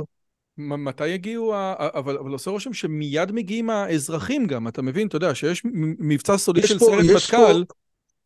אני להבנתי, ככל שאני הצלחתי עד כה לנתח את הפעולה הזאת, היו כמה וכמה גלים, בסדר? היה קודם כל גל ראשון של הנוח'בות של חמאס, שפשטו לכל אורך הקו על שורה של מוצבים ושורה של יישובים. אגב, זה לא רק חמאס, זה היה גם כוחות נוח'בה של הג'יהאד האיסלאמי. ואם תרצה אחרי זה לגעת יותר גם בכוח של הג'יהאד אפשר לעשות את זה. ורק בגל היותר מאוחר, שמבינים בעצם שהגדר פרוצה ואפשר להיכנס חופשי חופשי ואין בעצם התנגדות של צה"ל, התחילה גם נהירה המונית של אזרחים. רגע, בטרקטור, ש... בסרטון המפורסם שהטרקטור בא ומפרק, יהיה, לפחות ממה שאני מבין, אני ראיתי שם אזרחים. אני לא, בכלל לא סגור על זה. לא, בסדר, יכול להיות, לא אוקיי. אז אם זה ככה, והחמאס משומר החומות סופר סופר ממודר, איך יכול להיות שצה"ל כבר 18 יום משמיד מטרות אסטרטגיות? אז זה מטרות אסטרטגיות מפעם, מה, מה הולך? זה, זה, יש לו מודיעין, תראה, תראה, אין לו מודיעין, מה הולך שם? אני מסבב לסבב גובר אצלי החשד שהמודיעין על עזה הוא פחות טוב ממה שמספרים לנו. רק היום פרסמו בערוצי התקשורת ש... חיל האוויר תקף קרוב לעשרת אלפים מטרות של חמאס. אה, נו באמת, היום כל בית בעזה שהוא מעל ארבע קומות הוא הופך למטרה עבור חיל האוויר. אני הייתי לוקח את זה בקורטוב של ספק, את, אה, את האמירות האלה. מה שקורה שחמאס מצא את הפטנט לקזז את היכולות של צה"ל, אה, בעיקר מהאוויר. ואיך הוא עשה את זה? הוא בנה את המנהרות, את המטרו, שזה רשת, ב-2021, חודש אחרי שומר החומות, יחיא סנוואר אומר לך, יש לנו 500 קילומטר מנהרות חפורות ברצועה לכל אורכה, אתם במבצעים שלכם פגעתם רק בשלושה אחוז מהם. עכשיו מ-21 עד 23 עברו שנתיים. אני מעריך שת... בצניעות שאתה יכול להוסיף עוד כמה עשרות קילומטרים לקומפלקס הזה. עכשיו, מה זה הרשת הזאת? היא מחברת בין אזורים שונים ברצועה, חמאס יכול לתמרן מתחת לאדמה, חיל האוויר לא רואה אותו, התצפיות שלך לא רואות אותו, הרבה מאוד מהחימושים שלך לא חודרים עמוק לתוך האדמה, אתה צריך חימושים מיוחדים. ולי כשיהיה גם התמרון, צה"ל שהוא ייכנס, הוא יצטרך להגן ב-360 מעלות. הגב שלו לא יהיה מאובטח, כי הפיר יכול להיות מאחוריך, ומישהו יכול לצאת ולתקוע לך כדור בגב. וצה"ל, פה... וצה"ל לא יודע איפה המנהרות כמו שהיינו חושבים שהוא רוצה לדעת. אני מעריך שהמידע הוא מידע מאוד מסוים, אני לא יודע, אבל סביר מאוד להניח שהוא לא יודע הכל, חד משמעית, חד משמעית. טוב, אז בואו נסתכל רק שנייה על תמרון קרקעי, כן? אה, אה, תמרון קרקעי, אתה יודע, יש את מה שאומר האלוף בריק, אוקיי? אלוף בריק אומר כזה דבר, אז בעצם מהתמרון הקרקעי אני בעצם רוצה לשאול, לפי דעתך מה היה נכון לעשות ברגע זה? אני נותן את הגישה של האלוף בריק, שהתגלה כ... כ אה, איך אומרים? הייתה לו עדנה, כן? למרות שיכול להיות שאם בן אדם תמיד אומר שיהיה רע, אז מתישהו בסוף יהיה רע, אבל בכל אופן, יש, היו, הוא, הוא, הוא כמה חודשים לפני באמת מדבר על uh, דברים שמאוד מאוד קרובים למה שהיה. אומר האלוף בריק, אין שום סיבה לתמרון קרקעי, מה שאתה צריך לעשות זה מצור מוחלט בלי שום דבר, בלי המשאיות ממצרים, ולקטוש מהאוויר ולהגיע ללחץ בינלאומי כדי שמצרים תפתח את הגבולות. יש למצרים אינטרס לעשות את זה, ומצור מוחלט על הרצועה זה דבר שניתן לעשות לפי החוק הבינלאומי. לפני שאני שואל אותך מה אתה חושב שצריך לעשות, האם, מה ההתייחסות שלך לתוכנית של בריק, עד כמה שאני מבין אותה? תראה, קודם כל צריך להבין, אה, לשאול את השאלה, מה, מה, מה מטרת המלחמה הזו? והממשלה הגדירה את זה כביטוט היכולות השלטוניות והצבאיות של חמאס, ואני מוסיף פה גם בסוגריים של הג'יהאד האיסלאמי שתמיד שוכחים אותו. עכשיו, ברמה הממשלית, אני חושב שחיל האוויר מוטט את השלטון של חמאס, זאת אומרת, הוא פגע במערכות התקשורת, הוא פגע בבתי החולים. בסמלי השלטון. סמלי השלטון, באוניברסיטה, הוא השמיט כל המערכת הפיננסית, כל סניפי הבנקים. זאת אומרת, היום לדבר על ממשל חמאס ברמה של מתן שירותים לאזרח, או לנהל איזושהי מערכת אדמיניסטרטיבית, אין את היכולת הזו. אז אני חושב שמבחינה הזאתי, אתה אולי יכול לשים איזשהו וי על, ה, על הסלוגן הזה. בכל מה שקשור לתשתיות צבאיות, צריך להבין דבר מאוד מאוד פשוט. התש... אבן הראשה של כל התשתית הצבאית של חמאס, מקורה בתווך התת-קרקעי, כל מערך השיגור. אנחנו רואים כל יום לפחות שניים שלושה מטחים לאזור המרכז. מדהים, מדהים. אנחנו, נכון. אנחנו עברנו את הזמן של מלחמת יום כיפור, בוודאי את הזמן של מלחמת ששת הימים, זאת אומרת את משך הזמן שהמלחמה נוהלה, ואנחנו עם כל ההפצצות מהאוויר, היום, לפני שאנחנו, לפני שעה, אתה גר בפתח תקווה, ואתה רץ למקלט עם הילד, אה, אה, אה, אה, אחרי שחיל אוויר קוטש ועשרת אלפים מטרות, כאשר שוב, ב-19 יום של יום כיפור, היית רחוק רחוק רחוק בתוך, אה, אה, בתוך סוריה. כמו שאמרתי לך, התווך התת-קרקעי, הם עלו על פטנט, הוא הצליח לקזז את היכולות של צה"ל. הם, הם כבר מאזור 2007-2008 התחילו בתהליך אה, מתמיד ומחושב היטב של הורדת כל המערכים שלהם מתחת לאדמה. אתה פשוט לא גלוי לתצפיות ול, אה, ולטיסות אה, צילום של צה"ל, של חיל האוויר. אה, הכל מתחת לקרקע, הם מייצרים את המטענים ואת הטילים מתחת לקרקע, הם משלים את הטילים בתוך אדמה מהמחסנים לתוך בורות השיגור. הכל עם טיימרים, זאת אומרת, גם אתה כבר לא פוגע בחוליות שיגור, כי הכל בהפעלה מרחוק, באופן הידראולי. אתה יכול להוריד גדוד שלם של חמאס, ויותר מזה כמובן לאדמה, כל אחד בגזרתו. אתה מחביא את החטופים ואתה לא תדע איפה הם. אתה יכול, יש לך מן הסתם יכולת שהייה ממושכת, ואתה לא עולה אל מעל הקרקע. Uh, הכל מתחיל ונגמר בתת קרקע. יש להם מנהרות למצרים לא... לפי דעתך? אני רוצה להאמין שכן. אני רוצה זאת, להאמין שכן. זאת אומרת, ברגע, לו, לו יצויר שיש מצור מוחלט על עזה, יש להם איזה מנהרה שמביאה אותם לתוך מצרים, והם יכולים לספק משם אוכל ו... ולעצמם. אני חושב שזה לא יהיה מופרך להניח שזה המצב. כן. אוקיי, אז האמת היא, אז תראה, אני דיברתי עם דוקטור מוטי קידר, כן, שיש לו את התפיסה שלו, אבל, אבל, אבל הוא אומר, מהצד הערבי של המפה הפוליטית במזרח התיכון, אם אתה עושה, אה, אה, אם אתה עושה אה, אה, משא ומתן עם חמאס על שבויים, אם יישאר חמאסניק שיכול להרים את היד ולהגיד על, על חרבות עזה, אה, הצלחנו, ניצחנו, יש לך כישלון, יש, אתה הפסדת את המלחמה הזאת. זאת, זאת, זאת לא, אתה לא יכול להרשות לעצמך שזאת תהיה מלחמה שכל, אחד, שכל צד מסביר למה הוא ניצח. זה צריך להיות מלחמה שבה יש ניצחון ברור ומוחץ, כמו יום כיפור, כמו ששת הימים. א', אתה מקבל את הדעה הזאת שניצחון בנקודות בנקודת הזמן הזאת, גם אל מול השותפים שלנו באמירויות, בהסכמי אברהם, גם אל מול מצרים וירדן וסוריה, זה דבר שלא יעלה על הדעת, או שאתה אומר, עזוב, דברים השתנו מ-1973, כי אנחנו מתעלמים לגמרי ממה שרוסיה עושה לאוקראינה, ואנחנו אה, אה, חייבים לנצח פה בנקודות. ניצחון קולסלי לא יכול להתקיים בנקודת הזמן הזאת.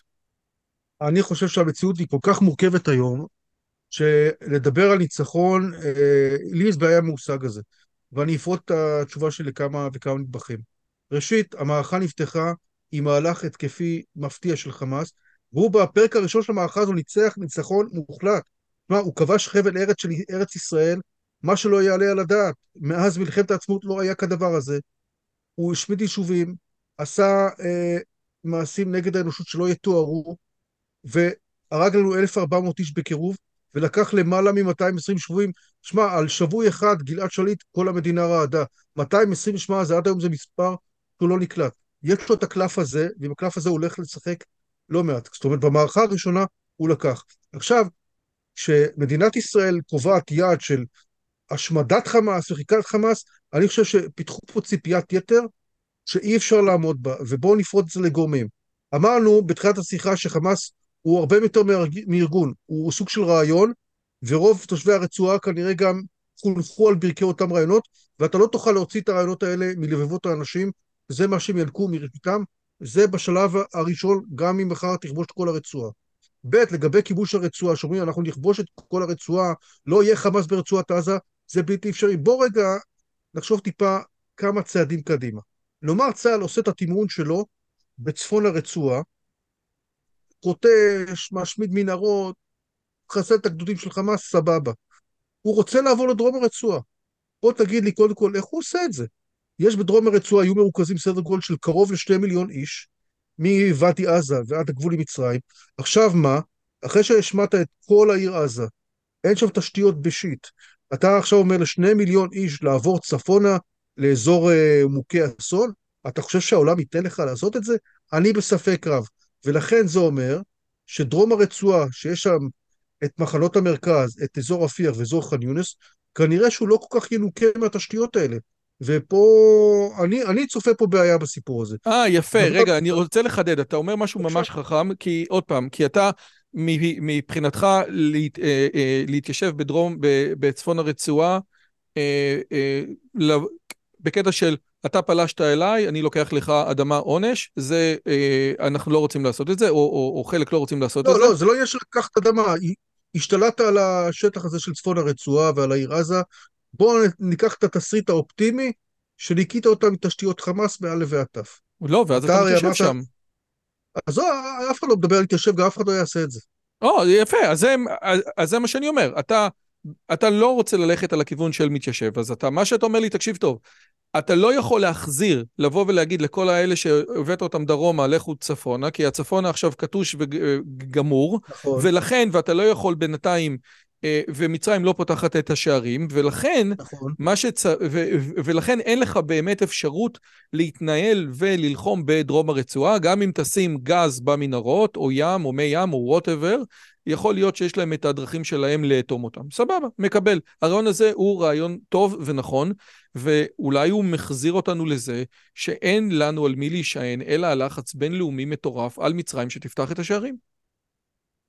מצרים לא תפתח את השערים, אתה פה, אפשר לשכוח מהסיפור הזה, גם הנשיא עבד אל-פתח סיסי הבהיר לחלוטין, אם ישראל רוצה אה, להוציא אנשים מהרצועה, שתשים אותם אצלה בנגב, אצלו זה קו אדום, ואם תעשה משהו בסגנון הזה, היחסים בין ישראל למצרים הם, הם בסכנה שאין כמוה. זה קו שהמצרים לא יסכימו בשום פנים ואופן. אני רוצה רגע להחזיר אותך ואת הצופים לינואר 2008. בינואר 2008 הזרוע הצבאית של חמאס מוטטה את מה שהיה קיר השיגומים, קיר שהפריד וחצץ, ב- ב- זה היה קיר שחיל ההנדסה של צה"ל בין רפיח המצרית לרפיח העזתית, בין, ב- לאורך כל ציר פילדלפי. הזרוע הצבאית מוטטה בפיצוצים את כל הקיר הזה, במשך מעל שבוע רוב הרצועה עברה לסיני. הגיעה עד אל עריש, קנתה מוצרים שהם היו שם זולים לעומת השוק הישראלי. המצרים שקשקו מפחד, הזרימו לשם כוחות, שמו קונצרטינות לכל אורך הגבול, ותוך שבועיים החזירו את כולם חזרה. המצרים לא רוצים לראות את זה עוד פעם, וזה גם לא יקרה עוד פעם. אצלם זה קו אדום, שאם ישראל תעשה משהו בסגנון הזה, עתיד היחסים עם אה, מצרים עשוי פה להיות בסכנה. וצריך לקחת את הדבר הזה בחשבון. אוקיי, אז, אז, אז אם זה מה שאתה אומר, ואם זה מה שאתה אומר, ולגבי הרצועה, אגב, זה לא משנה אם אתה כובש או לא, אתה בעצם אומר שבנקודת הזמן הזאת, בהנחה שמצרים נעמדת על הרגליים האחוריות, אין לך דרך, אלא אם כן אתה הורג את כולם ברצועה, אין לך דרך לנקות את הדרום. והדבר הזה הוא נכון. לו יצויר שמישהו היה שואל אותך היום, אוקיי, מה הפתרון הכי פחות גרוע לישראל מבחינתך? ואני מבקש שתענה לי בשני שלבים. א', לגבי מה ישראל אמורה לרצות, כן? כי אני מניח שפה אתה ואני חלוקים בדעותינו.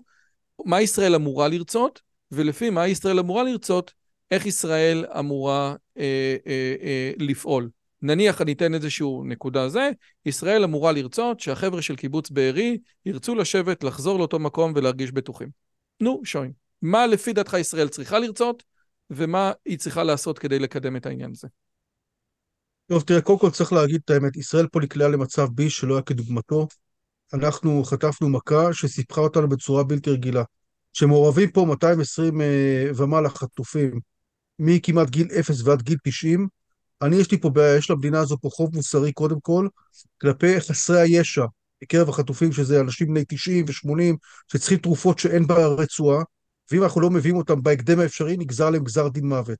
כנ"ל תינוקות, שאם לא יקבלו מחר את המטרנה שלהם, שגם היא uh, כבר ניתנת במשורה בעזה, התינוקות האלה הולכים למות.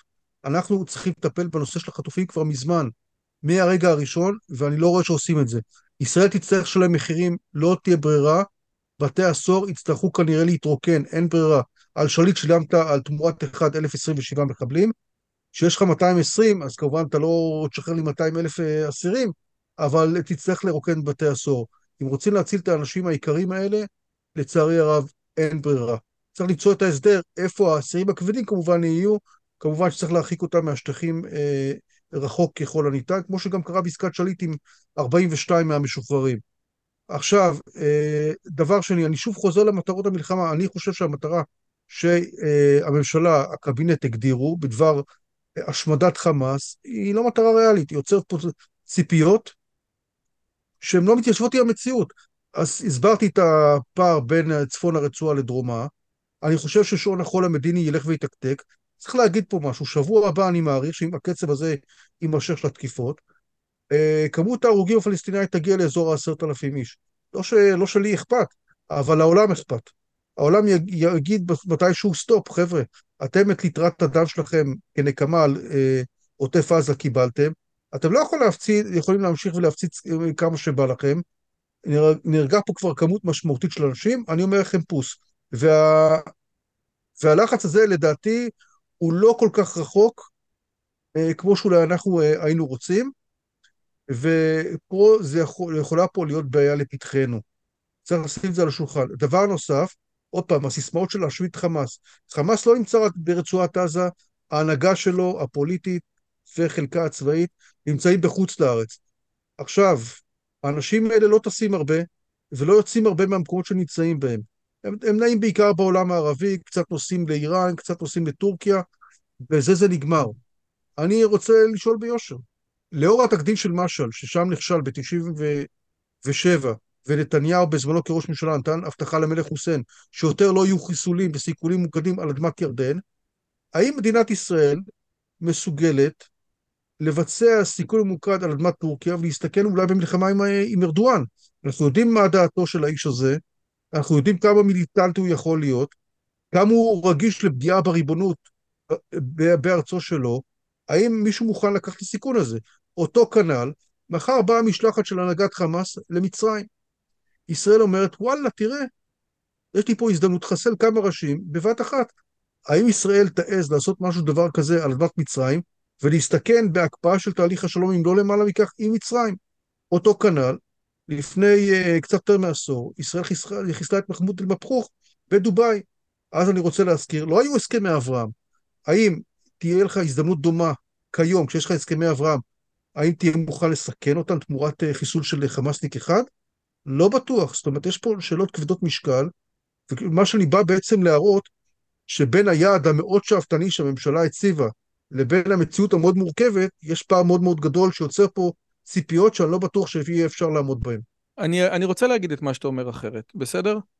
בבקשה. לו יצויר שממשלת ישראל ממשיכה עם קו שמתייחס לעולם, שחלון האוברטון שלו בעצם אומר, כן, יכול להיות שבאמת אפשר לעשות פה עסקאות וכן הלאה, אה, ואנחנו לא פוגעים באוכלוסייה אזרחית עד כמה שאנחנו יכולים, ואם מישהו פגע אחרי שהוצאנו אותו, אחרי שאמרנו לכולם לצאת מצפון הרצועה, אז במקום להגיד מי שנשאר שם, כולל בית חולים, זה אשמתו, אנחנו מתנצלים.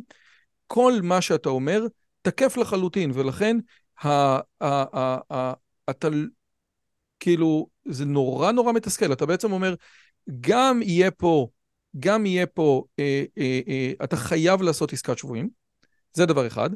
החמאס מבין שאם אתה עושה עסקת שבויים ואתה אומר כל השבויים מגיעים לרצועה ואז אני מתחיל לחסל אתכם, החמאס לא מטומטם, כן? כפי שאתה ראית, זה לא כן. יעבוד ככה בקטע של אוקיי, עכשיו אני הולך לרצועה ואתם לא נכנסים מתחת למנהרות, כן? ואם הוא הולך לחו"ל, אתה, כמו שראית בירדן, או כמו שאתה לא רוצה להסתכן בטורקיה, או בהסכמי אברהם, גם אין לך יכולת לחסל. אז לו יצאו, אז קודם כל אני ממש ממש מקווה אז, שצה"ל ישנה איזושהי תפיסות, כי בתפיסות הנוכחיות, אני חושב שאתה צודק במאה אחוז, איך צה"ל יכול להתמודד עם התפיסות הנוכחיות? נניח שמה שאתה אומר נכון, ואני חושב שמה שאתה אומר נכון, האם זה לא מאותת למצרים ולאמירויות שחתמו איתנו הסכם כי אנחנו חזקים מול איראן, שבעצם ישראל היא הרבה פחות חזקה ממה שהיא אומרת שהיא חזקה? האם, האם צעד כזה דה פקטו לא מחליש בצורה מטורפת את הפחד של חיזבאללה מלתקוף אותנו, לא מחליש את השלום שלנו עם כל המדינות השכנות? אין ספק שמה שקרה באותה שבת פגע מאוד בתדמית של ישראל כמדינה חזקה ובוטחת בעצמה.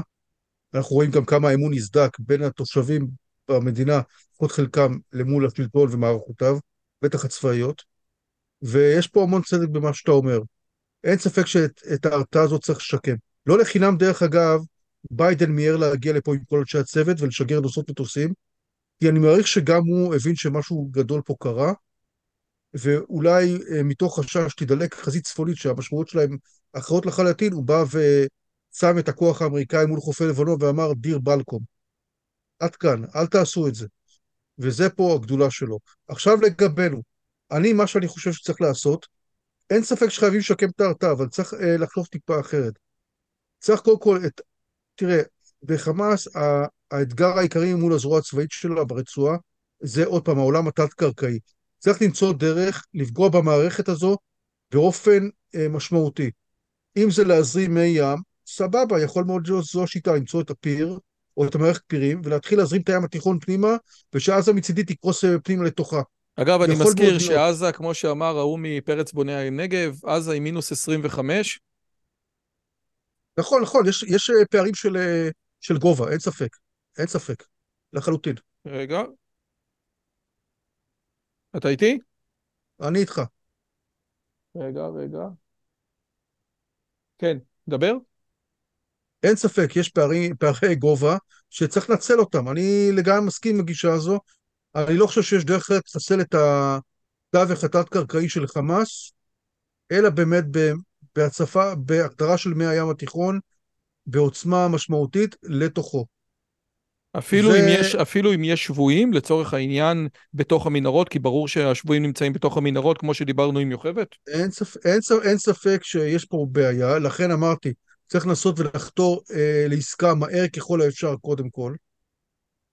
אה, זה דילמה שאין לי פתרון טוב אליה, אני, אני מודה ומתוודה, אבל מזה צריך קודם כל את עסקת השבויים, לדעתי, לנסות כמה שיותר להוציא את הקלף הזה החוצה, מה, מהמשוואה. לפני שמתחילים נוסף, הוצאות להורג בסוג של דאעש, וברור שזה יגיע, כן? אני לא יודע, צריך לחכות ולראות, אני לא נביא. אבל uh, צריך לנסות לעשות הכל בשביל קודם כל לחלץ לפחות חסרי הישע מהסיפור הזה. זה, זה חוב uh, מוסרי שיש לנו לאנשים המסכנים האלה. דבר נוסף, אני עם uh, רצועת עזה, פשוט הייתי שומר על מלחמה פתוחה. מה זה אומר? אין יותר הסכם שלום, אין יותר הודנה, אין יותר תאדיה, אין יותר הפסקת אש, אין כלום. אני, אני את רוב המילואימניקים מחזיר חזרה הביתה, מחזיר אותם למשק, אבל בעיקר מערך חיל האוויר נמצא בכוננות. כל פעם שהוא רואה חמאסניק מרים את הראש, הוא מוריד אותו. תשמע, היינו בתקופה כזו בעבר, דרך אגב. בשנים 2006-2007, עוד כשלא הייתה כיפת ברזל פעילה, שמע, חיל האוויר צד אותם במאות. הוא לא נתן להם להרים את הראש, הוא חיסל מועצה צבאית אחר מועצה צבאית, גם של חמאס וגם של ג'יהאד, הוא, הוא תקע אותם בתוך האדמה. זה פשוט מה שצריך לעשות. זאת אומרת, אנחנו במלחמה פתוחה איתכם. לא בהכרח נעשה תמרון קרקעי, אבל אם מחר סינמה אה, מגיח מהמנהרות, הוא חוטף טיל. מישהו אחר מהלשכה המדינית, כן פוליטי, לא פוליטי, צבאי, לא צבאי, אני תוקע אותו עם טיל. זאת מי, אומרת, הם יצטרכו להירקר במנהרות האלה. אז מי לצער... תראה, אני דיברתי, אה, אז מי אמור לתפעל את הרצועה? הרי אה, אני לפני יום עשיתי סרטון, כן, על אה, זה שיובל נוח הררי מבקש מאנשים שנמצאים מחוץ לסכסוך להשאיר מקום לתקווה בעתיד. והוא אומר, אם הגרמנים והיהודים אחרי השואה הצליחו להסתדר ולהיות חברים, הכל אפשרי. וקודם כל זה באמת יפה, שהכל אפשרי, אני גם חושב שאם ראש אמ"ן עדיין בתפקיד אז באמת הכל אפשרי, אבל יש הבדל משמעותי. בגרמניה אחרי המלחמה הבינו שהתפיסה הנאצית לא יכולה להיות יותר בעולם, ולכן בעלות הברית לקחו את משרד החינוך, לקחו את החינוך בידיים, החליטו שהם שמים את התכנים ושהם דואגים לאכוף את הדבר הזה. מה שאתה אומר מחזיר אותנו לתנועה האסלאמית, לאידיאולוגיה, לגן, לבית המשחקים, לסדרות בטלוויזיה. האם יש אפשרות שאנחנו לא ניגע במערכת החינוך שלהם? כי עושה רושם שאם אתה לא נוגע בהם, במערכת החינוך, אז יחכו עוד קצת, עוד קצת, עוד קצת. אז בארי 2 יהיה עוד כמה שנים. לא עוד שלוש, לא עוד ארבע, לא עוד חמש, עוד עשר. האם, כמה הנושא של מערכת החינוך שצריך לעקור אותו מהיסוד הוא קריטי בפתרון? קריטי מאוד, רק השאלה, אני לא רואה כרגע מי עושה את זה. אני לא חושב שגם מישהו באמת יודע לשים פתרון מי ישלוט בעזה. בוא נאמר ובאמת את משועל חמאס הכרעת. את הזרוע הצבאית שלה הכרעת, וואלה, השקפת 20 חמושים עכשיו, אין יותר זרוע צבאית של חמאס וג'יהאד איסלאמי, סבבה. מי מנהל באמת את הרצועה זו שאלה טובה ושאלה מאוד מאוד גדולה. כי ביידן לא רוצה, לא כי ביידן רוצה את אבו מאזן, כאשר אבו מאזן, הדעות האנטישמיות, האנטי-יהודיות שלו, הכיף הגדול שלו, השמחה האמיתית שלו מהטבח היא ברורה לגמרי. ראש, ראש, ראש הממשלה של הפת"ח ביום של הטבח אמר איזה יופי, כן? אז, אז מה כן אפשר לשים שם? אני מסכים איתך שהרשות הפלסטינית באמת היא לא כתובת, בטח לא לרצועת עזה, ואני אגיד לך יותר מזה, היא גם לא תיקח את זה, כי יישארו מספיק אנשים תומכי חמאס שיגידו, אה, אתם על כידוני הצבא הישראלי עכשיו, באים לשלוט עלינו, ירק בל יעבור. לא ייקחו את זה, גם לא צריך לתת להם את זה, הם לא הוכיחו אה, אישורי שלטון אה, מוצלחים במיוחד. אני לא רואה את הרשות נכנסת לשם, לא חושב שזה ריאלי, ואני גם לא יודע להגיד לך מי כן ייקח את זה, יש פה בעיה מאוד גדולה. אף אחד לא רוצה להתעסק עם 2.2 אה, מיליון אנשים שהפכו פה לפליטים. אגב, אני מזכיר לכל החברים, אירופה לקחה המוני פליטים, מיליוני פליטים, והיא מוכנה לקחת את זה מכל מקום, חוץ ממקום אחד. והמקום היחידי שאירופה לא מוכנה לקחת ממנו פליטים זה פלסטין. כי יותר משאירופה אוהבת פליטים, אירופה אנטישמית. אוקיי, יפה. אה, אני חייב להגיד לך, למרות שאני נורא נורא אוהב אותך, ולמרות שהסוף שלך מרתק, השיחה הזאת, אני יוצא ממנה בבאסה מאוד מאוד גדולה, דווקא בגלל שאני כל כך מעריך את ההבנה שלך ואת יכולת הניתוח שלך. ברמה מסוימת, אתה יודע, שכנעת אותי. לו יצויר שאנחנו נשארים עם מוסר נוצרי, לו יצויר שאנחנו לא אומרים, יש אומה שהפסידה את מקומה בין האומות, ולכן האומה הזאת לא ראויה לחיים, אני חושב שאתה צודק במאה אחוז. וכל מה שאתה מתאר זה בעיות מהותיות. כי אם ככה יהיה בעיה, ואם אחרת אולי תהיה בעיה הרבה יותר גדולה. אתה, אתה, יש, לנו, יש לך דרך לסיים במשהו אופטימי? תראה, בכל מה שקשור לעזה, אני לא אופטימי. תראה, מה שלא עשינו ב-48, וכשהרי רצועת עזה היא... זה יציר, יציר כפיה של אותה מלחמה. מה שלא עשינו אז, כמו עם הרבה דברים אחרים שנמחו מעל פני האדמה, אה, אני לא, לא רואה אותו פתיר. בסופו של דבר, ה-2.2 מיליון איש, לא הולך להיות פה טרנספר, הם לא הולכים לעבור לשום מקום, כמו שנאמר פה, גם אף אחד לא יקבל אותם. הם הולכים להישאר על פני אותה אדמה, וככל שהשנים יעברו, הם גם כנראה יגדלו מספרית משמעותית גם לשניים וחצי ולשלושה מיליון. להגיד לך שאני רואה פה פתרון טוב? אני לא רואה פתרון טוב. אני גם לא רואה כרגע מי לוקח את הרצועה הזאת, שעשויה להידרדר לממדים של סומליה. זאת אומרת, ל-No man's land כזה, לשטח הפקר, וזה מסוכן בפני עצמו. אני לא רואה פה איזושהי חדווה, אה, הרשות, כמו שאמרנו, לא מתאימה וגם לא תיקח והיא לא ראויה.